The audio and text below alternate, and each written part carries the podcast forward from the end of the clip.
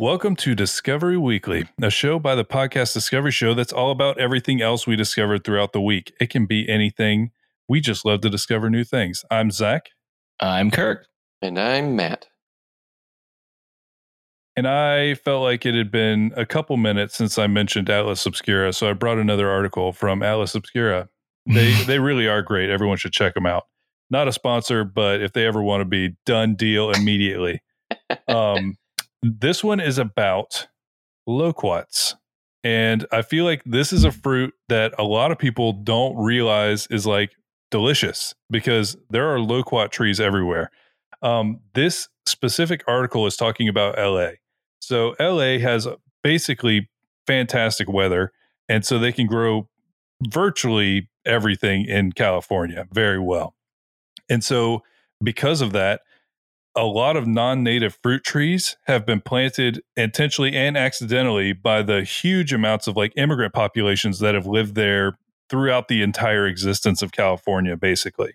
And so, you end up with a lot of loquat trees. And so, this article is kind of about why is no one eating this free fruit that's everywhere? Right. It is Um, everywhere. And it's it- so good. It is really good. It's like kind of like a plum grape with seeds in I it. didn't know it was called a loquat until I hung out with you.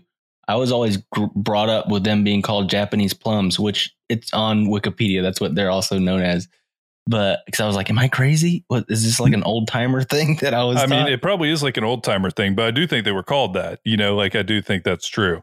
Um, but uh, it was one of those kind of classic story where it was brought here. Um, I think it was brought here by by Spain, and this is a very popular fruit, and it's actually it's native to southern China and has a very long history in Japan. Uh, the Portuguese also liked it because they went to Japan and tasted it, and it's it's really it's a really delicious fruit. If you ever see loquats, it looks like a magnolia tree, but instead of magnolia like flowers, there is huge bundles of little orange fruits, and they really do taste great. What do And they you'll taste see 'em- like? Yeah, that, uh, it's like a plum mixed with a grape, kind of. Oh, that's what it's they like a like. it's That's like a crazy. bittersweet. It's a sweet. No, not bitter. It's a sweet and sour. Yeah, I feel like the skin is a little bit sour. It's it's it's really good. I love it. It's it's really good. It's it's and it's kind of got the size and like consistency of a cherry. Um, but they grow like literally if you have a giant loquat tree in your yard, you will not be able to eat all that fruit. It's like Impossible. millions of those stupid It's- things. and like one birds tree. love it and go just absolutely crazy when it's loquat season. But Hmm. yeah, it was. This has been uh, very popular in a lot of different areas: the Mediterranean basin, the Middle East, uh, Asia, and then essentially the Spanish found out that this tree grew very well in Spain. And so they brought it over, and they're still a major producer because a lot of times what people are doing with this is preserving. So, like jams and jellies and things, because it's only, this is not like a, a marketable fruit. That's why a lot of people don't ever get to try them, is because this isn't something you can ship. This isn't something you can pick when it's not ripe. It has a window of like a month when they're the loquats are ripe. And so literally if you're not around loquat trees, you can't really buy them. You, you can't really like get them at the market because they, they they just are not designed to be shipped. But they taste great. Um and so there's a lot of people who would do this and they would do jams and jellies because you can do it when they're ripe and then it's done Mhm. and they're also very very easy to grow they're evergreen and so that's why a lot of times literally just start looking for these trees now you'll see them everywhere because they're Huh. very nice looking and people use them for landscaping all the time because they're like they grow very well in subtropical weather and down here that's a huge thing. Um but basically they had all these trees and people were like why are people not eating these loquats? And then they kind of dug in a little bit and they found that there are a lot of small communities that are but people just don't know. They don't know about this tree. And so this this story is seriously i'm uh, like we do put enough effort into the show notes because some of these articles are so interesting to read about. And so i would highly recommend reading this article because i'm go- i'm cannot go through the whole thing. It's very detailed. But it essentially talks about kind of a specific town outside of LA that um, originally was outside of like Holly, like Burbank and like where all the main actors lived. And so the LGBTQ actors would live in a in a town called Silver Lake. And it was a mixture of artists and immigrants and everything's like that. And they really liked having these loquat trees everywhere. And this was kind of like the place that they saw, and they're like, why is nobody eating this? And so there was just a crazy amount of these trees, and they started trying to explore some of this. And a lot of the different cultures are still very fond of this and will still go crazy for it. But in this discovery, I found another discovery. There was a, there is a guy named David Burns who basically started doing a project called Fallen Fruit. And Fallen Fruit is an art exhibit. I, I, it's hard to really describe it. It's a mixture of an art exhibit and categorizing free fruit that is naturally available. Because apparently the rule in California is if it's we okay, if you have a tree in your yard and a branch goes out over public property, if people could just reach it, they can have it. I like that law. yeah. So like if if it's in public like reach, they can eat it. And so his whole thing with the Fallen Fruit organization is they have maps of cities all around the US that has literal marks where there is free food, uh, like fruit available. There's fruit trees that you can go get. And so in California, that's obviously amazing because it's like, oh, here's some grapes and here's some avocados and here's some loquats and some oranges. You know, they have so much variety that's so good. But they also mix that with art installations. They mix uh, it's another really really cool project that I probably could have literally split this one discovery into two, but I will leave it to everyone else to check this stuff out because it's really cool what they've done.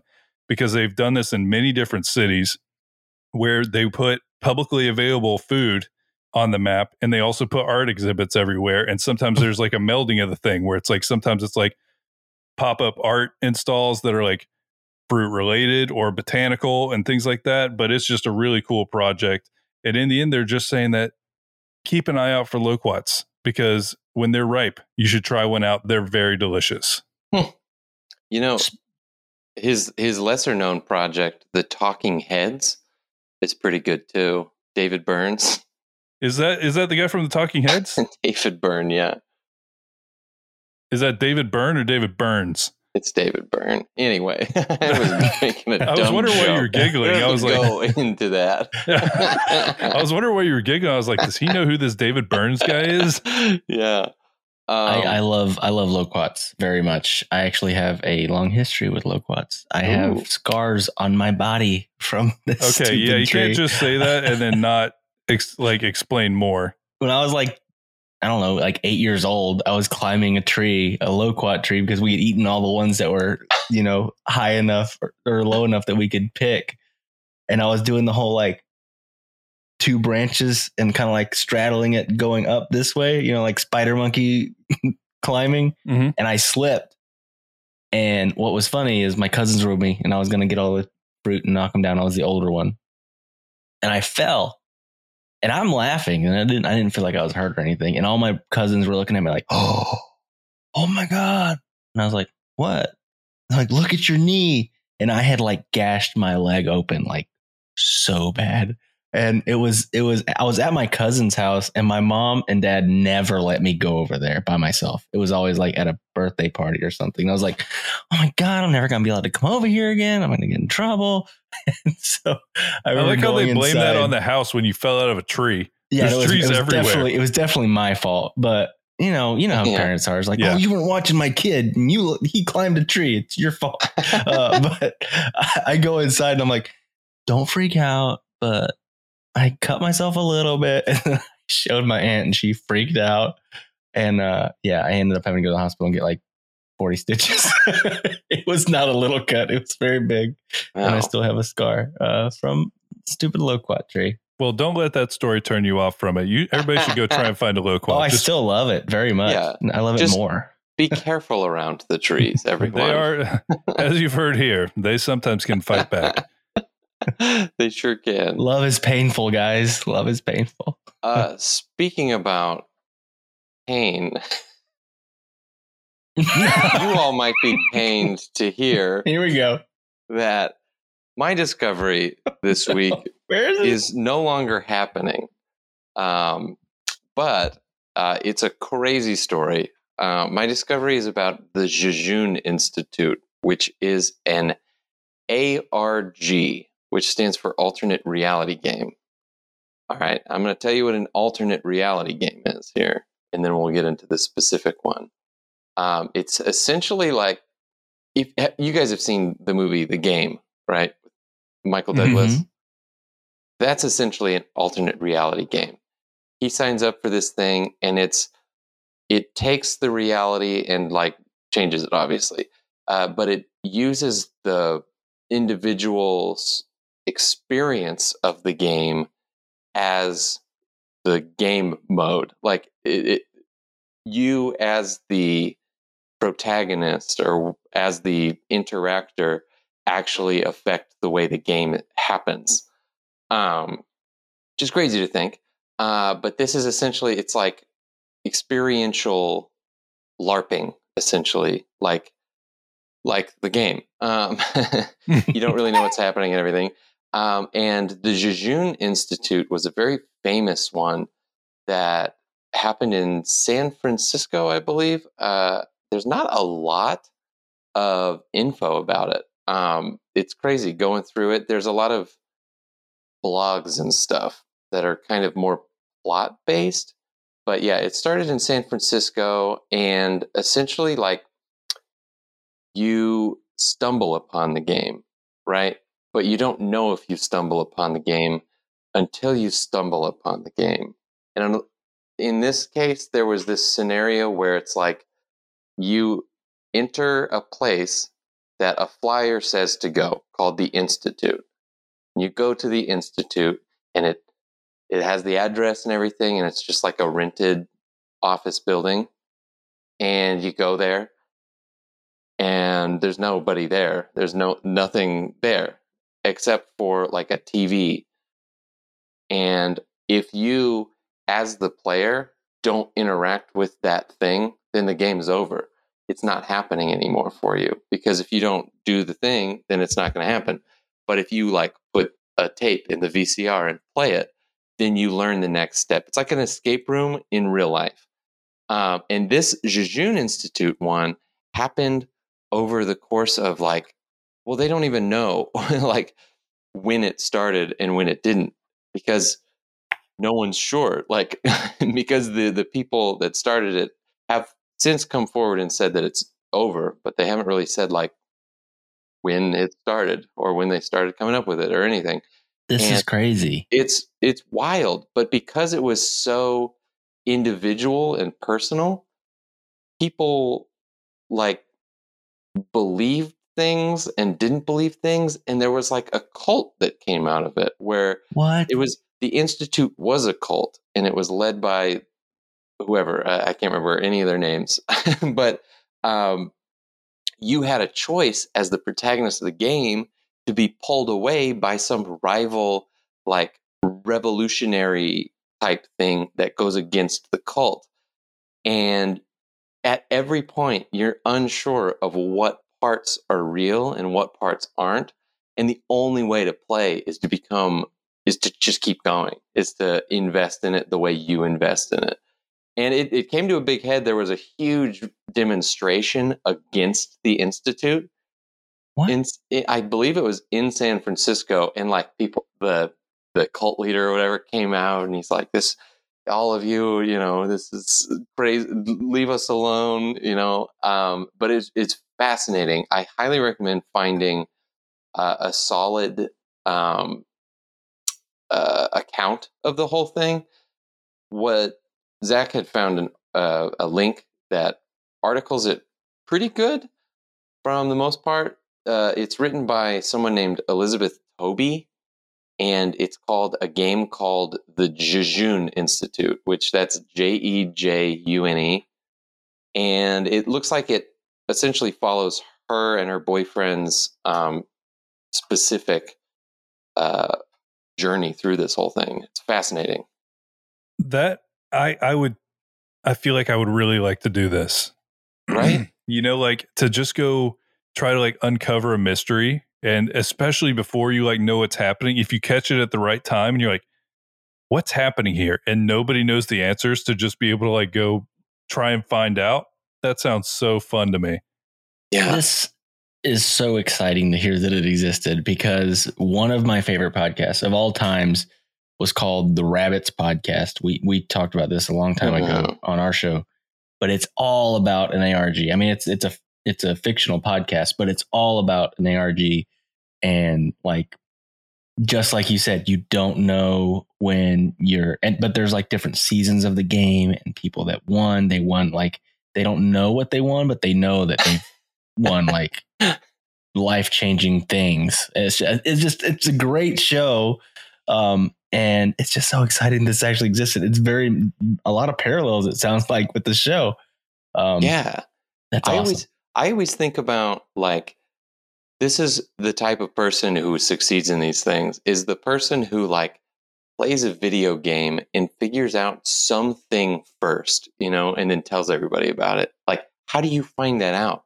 You have to dive so deep into something that then it's like, "Oh, that's a puzzle. We have to solve it." Yeah. and I that just blows me away that there's people a with time enough to do it and uh the mind to like not trust anything which is so Yeah. weird No, that sounds that sounds really cool. I I I think I want to try and see some more like accounts of this and see like because I'm sure people got weird with it. oh yeah. Like they when it officially ended like when they they're pretty sure it officially ended it kept going which is crazy. And they're like no it's not going on anymore. And everyone's like yes it is. That's what you'd say if you were doing this like damn yeah how do you not Wait, are there people that st- think it's still going? Like I all of this is a ruse. It's still not. going. They're still out there. That's so funny. Um, oh, and you know what? A really popular and well known ARG was a marketing campaign for Nine Inch Nails' Year Zero. I don't remember that exact one, but it was it was like something about the end of the world or something about time year zero or whatever. Um, Hmm.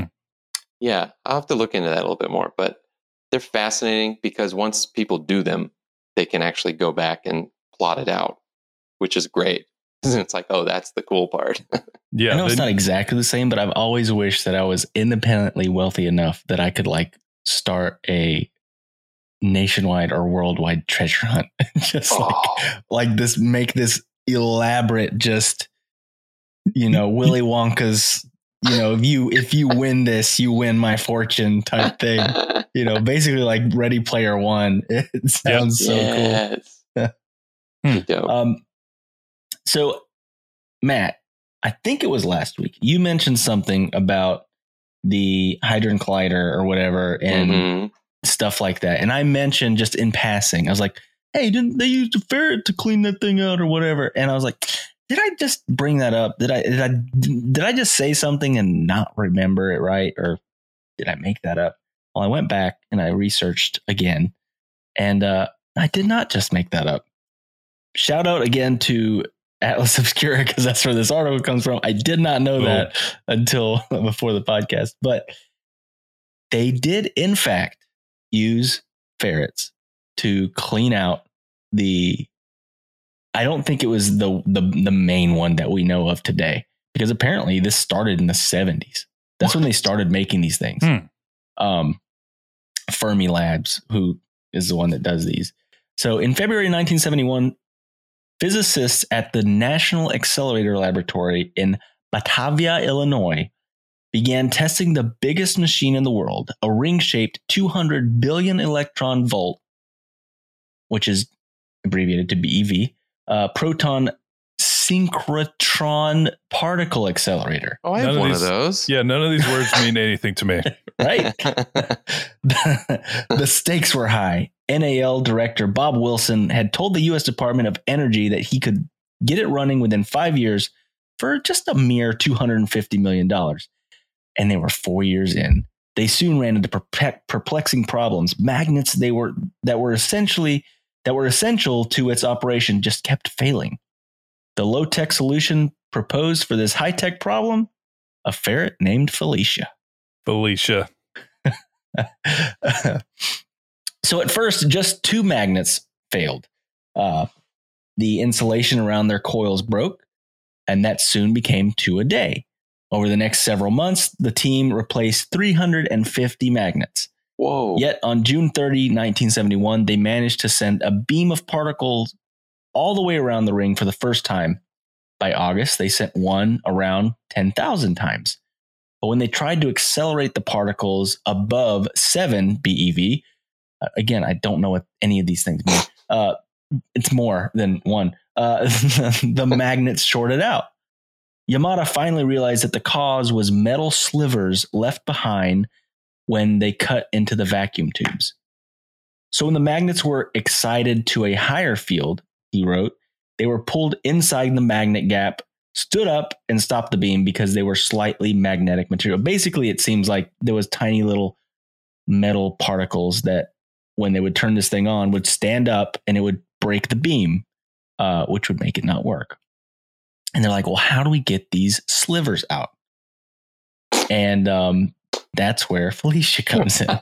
Uh, Robert Sheldon, a British engineer who'd been brought on to find, and I love these this quote because it, this is exactly what this dude did: shortcuts and money saving ideas. It's like I got I know a guy that has a ferret.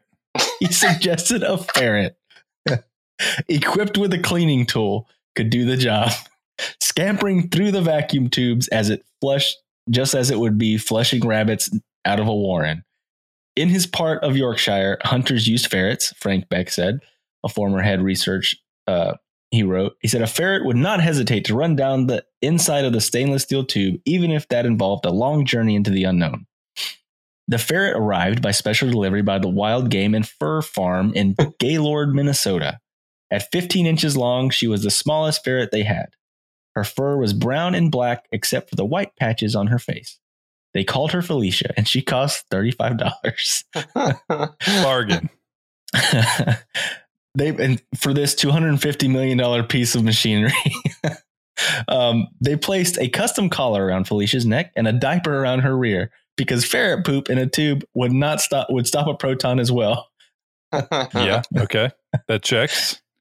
and what's funny is at first i'm like oh that's so cool you know they're you know they attached like a brush to her tail or something you know what they were doing all they were doing was they attached a string to her collar and they were just trying to get her to go to the other side so then they could like pull a brush through the stupid machine.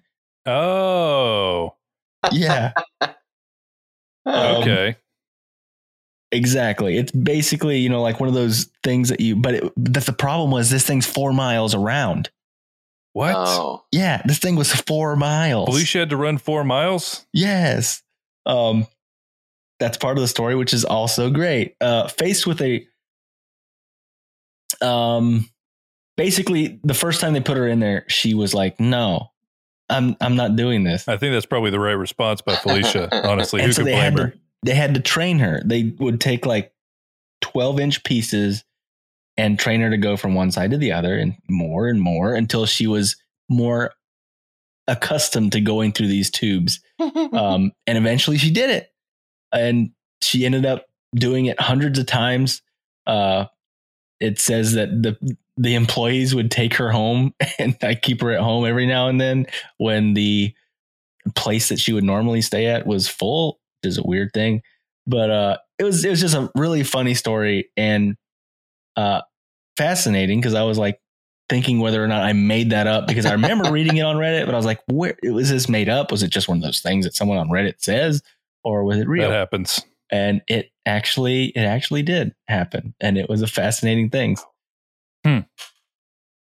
No, that is that's awesome. They do they do no longer use ferrets i will say that I'm they sure- made a device Yeah, I'm sure they does I'm sure they had to get past that at some point. Somebody's like, you know, we're using a ferret to clean this thing. It costs millions and millions of dollars. We need to just like find the real way to do this.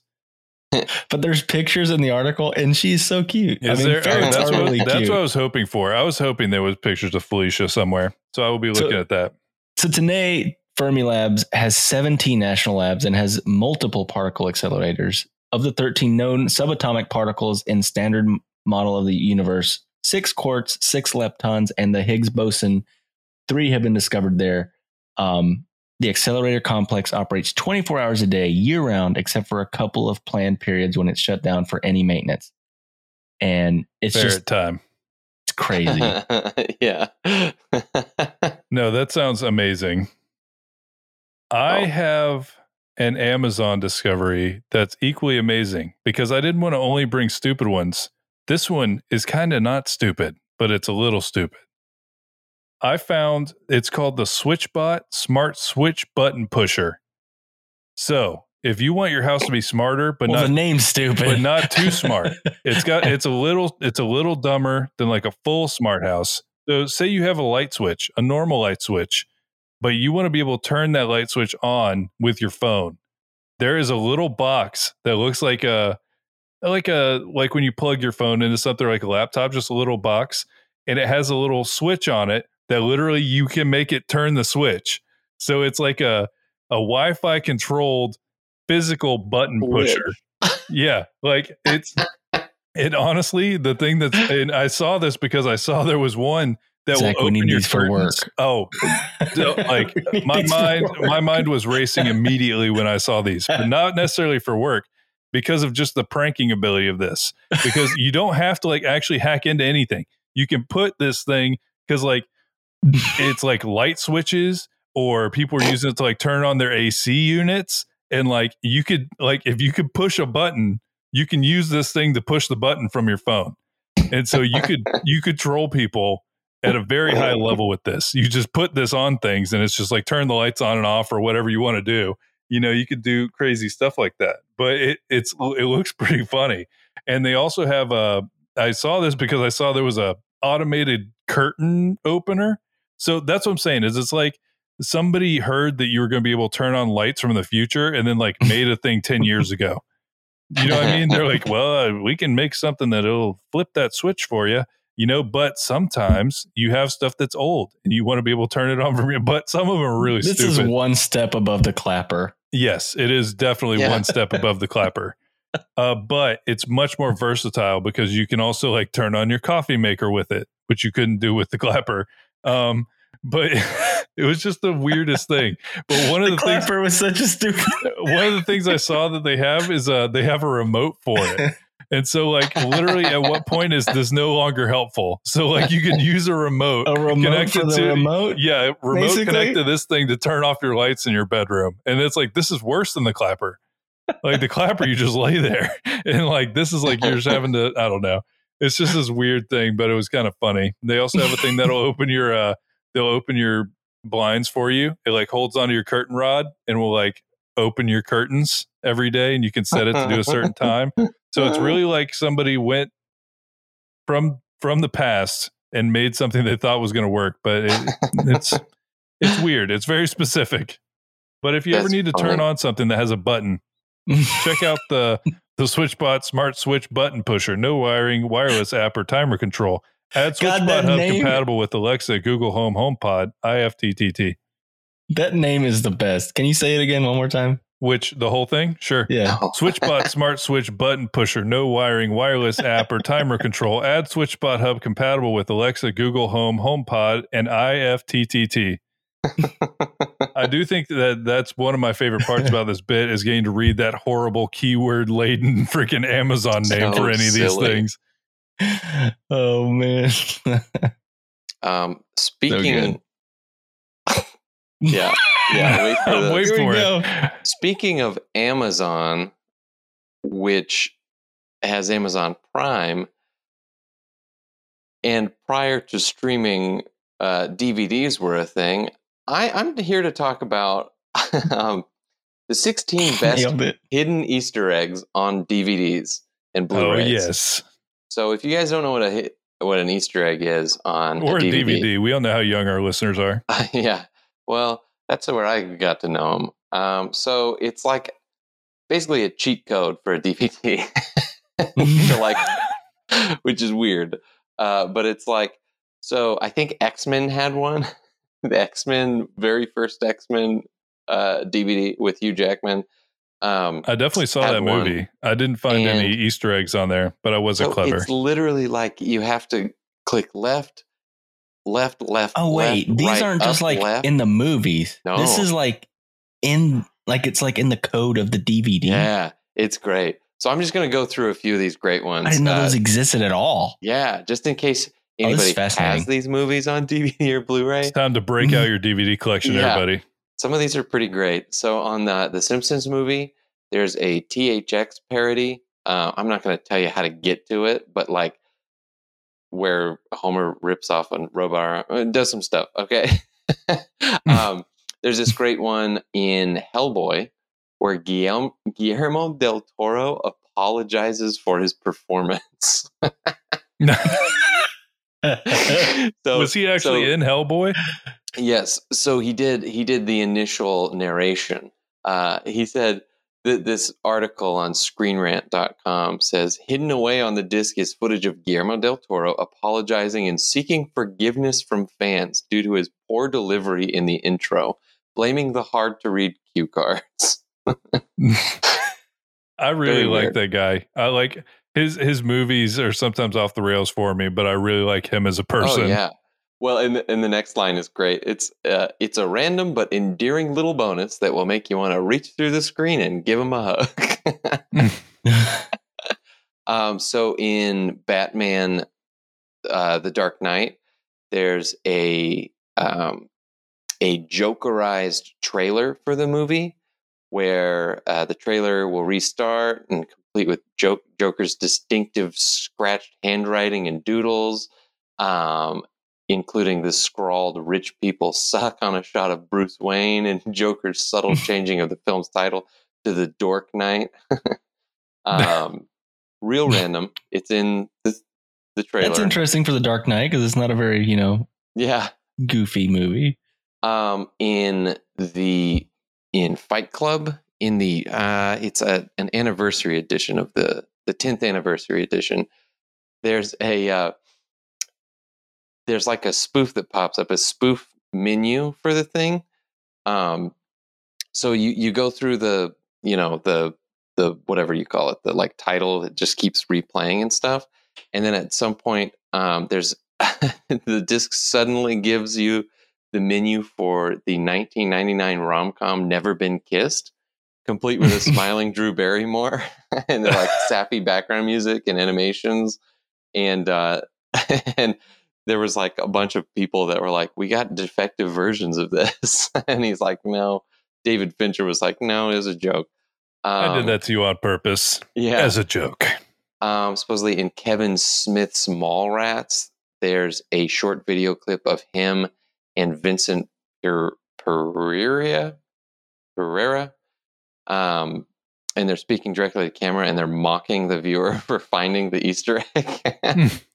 that sounds pretty good.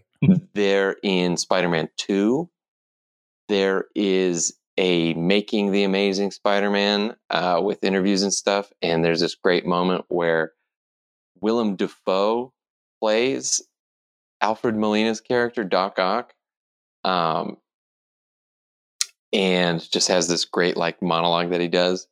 There's a rat poison commercial in Ratatouille. oh, That's not Which cool, Pixar. Yeah, it's uh the guy says uh, the shortest gag is also the darkest. a fake commercial for Row Dead rat poison. Jesus. Um, in the movie Gladiator, there is a not deleted scene, a, a storyboarded sequence of a rhino fight that was supposed to be in the movie. A rhino fight? a rhino Yes. fight. And you get to see a snippet of the test CG footage of the rhino, um, which I can only imagine is awesome. Uh, I'm not familiar with this movie very much, but in Firefly, there's a character named Jayne yeah. who, um, I guess, there's this moment where they sing a song about him or his heroic uh, endeavors, and he, Adam Baldwin, the character, um, sings his own song in this part. I, I don't understand that one, Um, yeah, that one's kind of like reference based. I like the show. I think I saw the movie. I don't. I don't know if I know that specific reference. uh, in The Incredibles, there's an all sock puppet version of the movie, which uh, I can't even begin to. Of the whole movie? I, there, it's probably snippets. There's no way. There's Yeah, no yeah. way it's the whole movie, but that would be hilarious. yeah. That would be so like, much commitment to a bit. What happened? What? Why did? What? This is the wrong movie. Oh Why yes, is yeah. it only sock puppets? the, the guy says if we're being critical, Kobayashi's version is a shortened cut of the film. so yes, um, it's not the full thing. In Final Fantasy, the Spirits Within, if you remember that weird, weird movie uh, directed by, not directed by, put on by Square Enix, which is weird. Uh, there's a Easter egg of There's a few Final see. Fantasy movies. I've never seen any of them, but I really like the games. Oh, there you go. There's an Easter egg of a short, fully animated parody of Michael Jackson's Thriller video. okay. Why? Uh, Why? in Star Wars, th- Episode 3, Revenge of the Sith, Of course. there is a hip hop Yoda um, thing Why? that happens where I have to find that and go- I have to YouTube Yeah. that That's one. probably on YouTube. I'm he's assuming. breakdancing to the Roots' is Don't Say Nothing. Um, great. And I there's do like the roots. This one's cool though. The Ring in the movie The Ring, you can see the full cursed video. Oh, Dude, I that movie that. scared the crap out of honestly, me when I was there's in, another movie that needs to be made. What if it, what if it wasn't school, like you had to put it in your VCR? It was a YouTube video, and then you got haunted. Hey, I'm into it. Uh, the Star Wars holiday special, that infamous, infamous holiday special that aired on TV. I guess there's a. Um, I, I don't know why anyone would have that on DVD, um, but Who knew they even made DVDs of that? yeah, I thought they burned that thing as soon as it came out. But I there's tried to watch a- the Ewok movie the other day with Mason, and it's not. so bad. Um, but there's this animated segment from the Terrible Special. is what he says, starring the one and only Boba Fett in his first. Oh ever yeah, no, that's famous. That thing's actually really famous. The animated thing, I didn't know yes, that. Well, Yeah. that's an Easter egg on the DVD. Um, Lord of the Rings trilogy extended edition, of course, has probably a thousand of them. Um, wait, what? This is oh oh oh! It includes it includes the. Uh, you remember how the MTV Movie Awards used to do those parody things about all the movies that happened? Yeah. This one, the Easter egg on this is a Jack Black parody thing with Sarah Michelle Gellar of the Two Towers um, in Return of the King. So there's a cool comedic thing in that one. And Hmm. the last one, oh, the last one's awesome. Okay. So the last one is you guys know Christopher Nolan's Memento. Yeah. hmm This Easter egg is you can watch a chronological version of the entire film. What? that would blow my mind to watch that movie in chronological order. right? I can't even think how that would be a good movie. Yeah, I don't. I feel like the whole thing is it's not. You know, Yeah. like I. I That's don't. the whole point. oh yeah, I would watch it just to see what it was like. Well, and and I learned about these Easter eggs when I was a kid, so I would spend way too much time on the DVD menus. Just And I'd pushing like, buttons. Yeah, trying to find somewhere on the thing. Um, I didn't know these existed. but they're I pretty really fun. didn't. They're very fun once you find them. You're Did like, you ever "Hey." find any?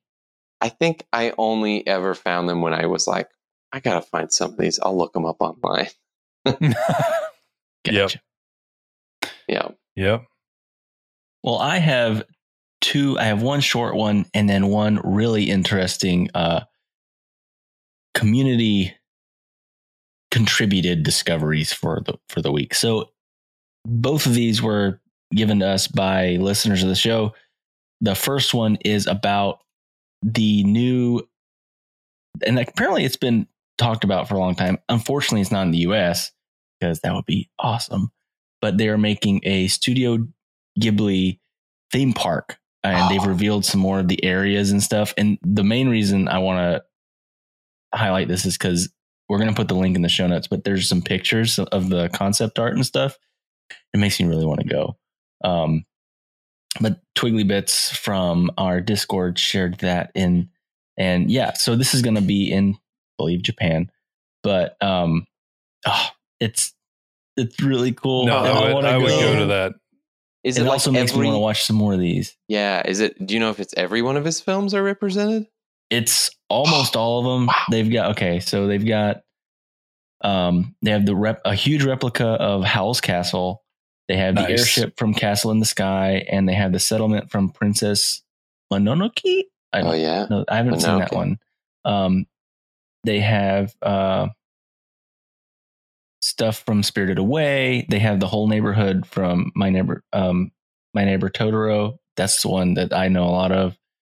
And um no, they have a whole section for my neighbor Totoro. And then they have the neighborhood from Kiki's Delivery Service, which that's a really good movie.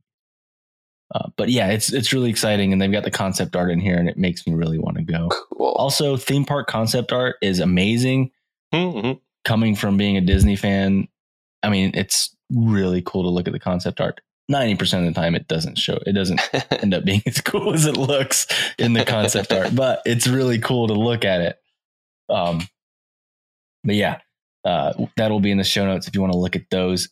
But this one was also given us from a listener, our maybe one of our oldest listeners, not old as in like he's dang it, this is not this is one not of our going most well. ancient Um, listeners. One of our one of our longest listeners, our most uh, esteemed Seasoned. listeners, seasoned listeners, uh, Portland Paul, who's been listening to the show for a very long time. I think since like season, I mean, episode one. Yeah. oh wow. um, I I think it was the whole time. He uh, he sent me this. It's a Twitter thread that was actually tweeted by Neil Gaiman, but it's this whole Twitter thread about this crazy mystery, and it's it's fascinating. Um, so I'm going to go through it. It says a stranger than fiction Roman ring mystery thread. This enigmatic Roman gold ring was found in a plowed field near Silchester in 1785. So think about that. 1785 is when they found this ring. The square bezel has a portrait of the pagan goddess Venus. Inscribed backwards, it says Sinuv, which is Venus backwards, uh, used as a signet ring by the owner. Curiously, though, around the 10 sided ring is crudely inscribed the identity of a later Christian owner, Senesinius. Uh, so he is proclaimed with spelling errors. He says lives with God. So basically, it looks like some person had this pagan ring and was using it as a signet ring for like signing things and things like that. And this Christian dude got it, wrote his name on it really poorly, and then wrote lives in God or whatever. Um, a ring passing from pagan to Christian hands certainly was possible in the fourth century. But what's very interesting is at a temple uh, 80 miles away for the British god Nodens, uh, they found a curse tablet. On the tablet, a man named Silvianus complains that his gold ring was stolen and he suspects Synesius was the culprit. um, Sylvianius, I can't say any of these names, uh, despite deposited the cursed tablet and donated at the temple half the value of his lost ring in the hope that the gods would permit no good health to Synesius. In 1929, the archaeologist, which I didn't know who this guy was, but they make a big, big point of it, Mortimer Wheeler, and I had to look it up. Uh, he's a very famous archaeologist. Uh, he was in the 1970s.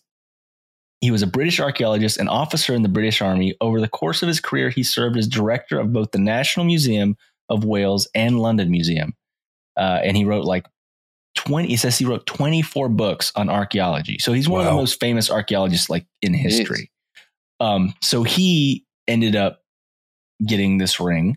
Um, and he's the one that actually made the connection between the ring and the curse tablet, which is fascinating. But then, so you know, they got this. We got this story of this mystery of this ring that keeps getting stolen and stuff like that, and curses and stuff. Wheeler then consults a certain young J.R.R. Tolkien, professor of Anglo-Saxon at Oxford University, to work on the etymology of the curious deity Nodens and explore the possible connections with, with the enigmatic Roman gold ring. Soon, soon afterward, Tolkien began creating his legendary Middle Earth uh, The Lord of story the Rings. series with The Hobbit and then The Hmm. Lord of the Rings, revolving around the magical, golden, and often stolen One Ring that grants the wearer invisibility. Had Tolkien been inspired by this ring? Um, and it's just it's a fascinating story. It, I mean, it seems like thread. he was. Yeah, it, it is. It it's it really does seem that way. It says two millennia later, both the ring and the curse uh, about its thief are both discovered, 80, which were discovered 80 miles apart. Wheeler and Tolkien, titans in their field, analyze the mysterious artifact, and just maybe the gold ring goes on to inspire one of the greatest works of fantasy literature. The end. And um, I put the link in in the show notes, but I think that's where the link is, where you can actually see the ring, you can see the curse tablet, stuff like that but it's it's a fascinating story and uh, it was a great contribution from the community and if you guys have any discoveries let us know we've got you know we've got the hotline we've got the twitter we've got the facebook group we've got the discord any way you can get a hold of us we're probably there and you can tell us anything that you discover and we might talk about it on the show Yeah. But thanks so much for listening. I think that's all our discoveries this week. And we will talk to you again next week. bye guys have a great week Bye.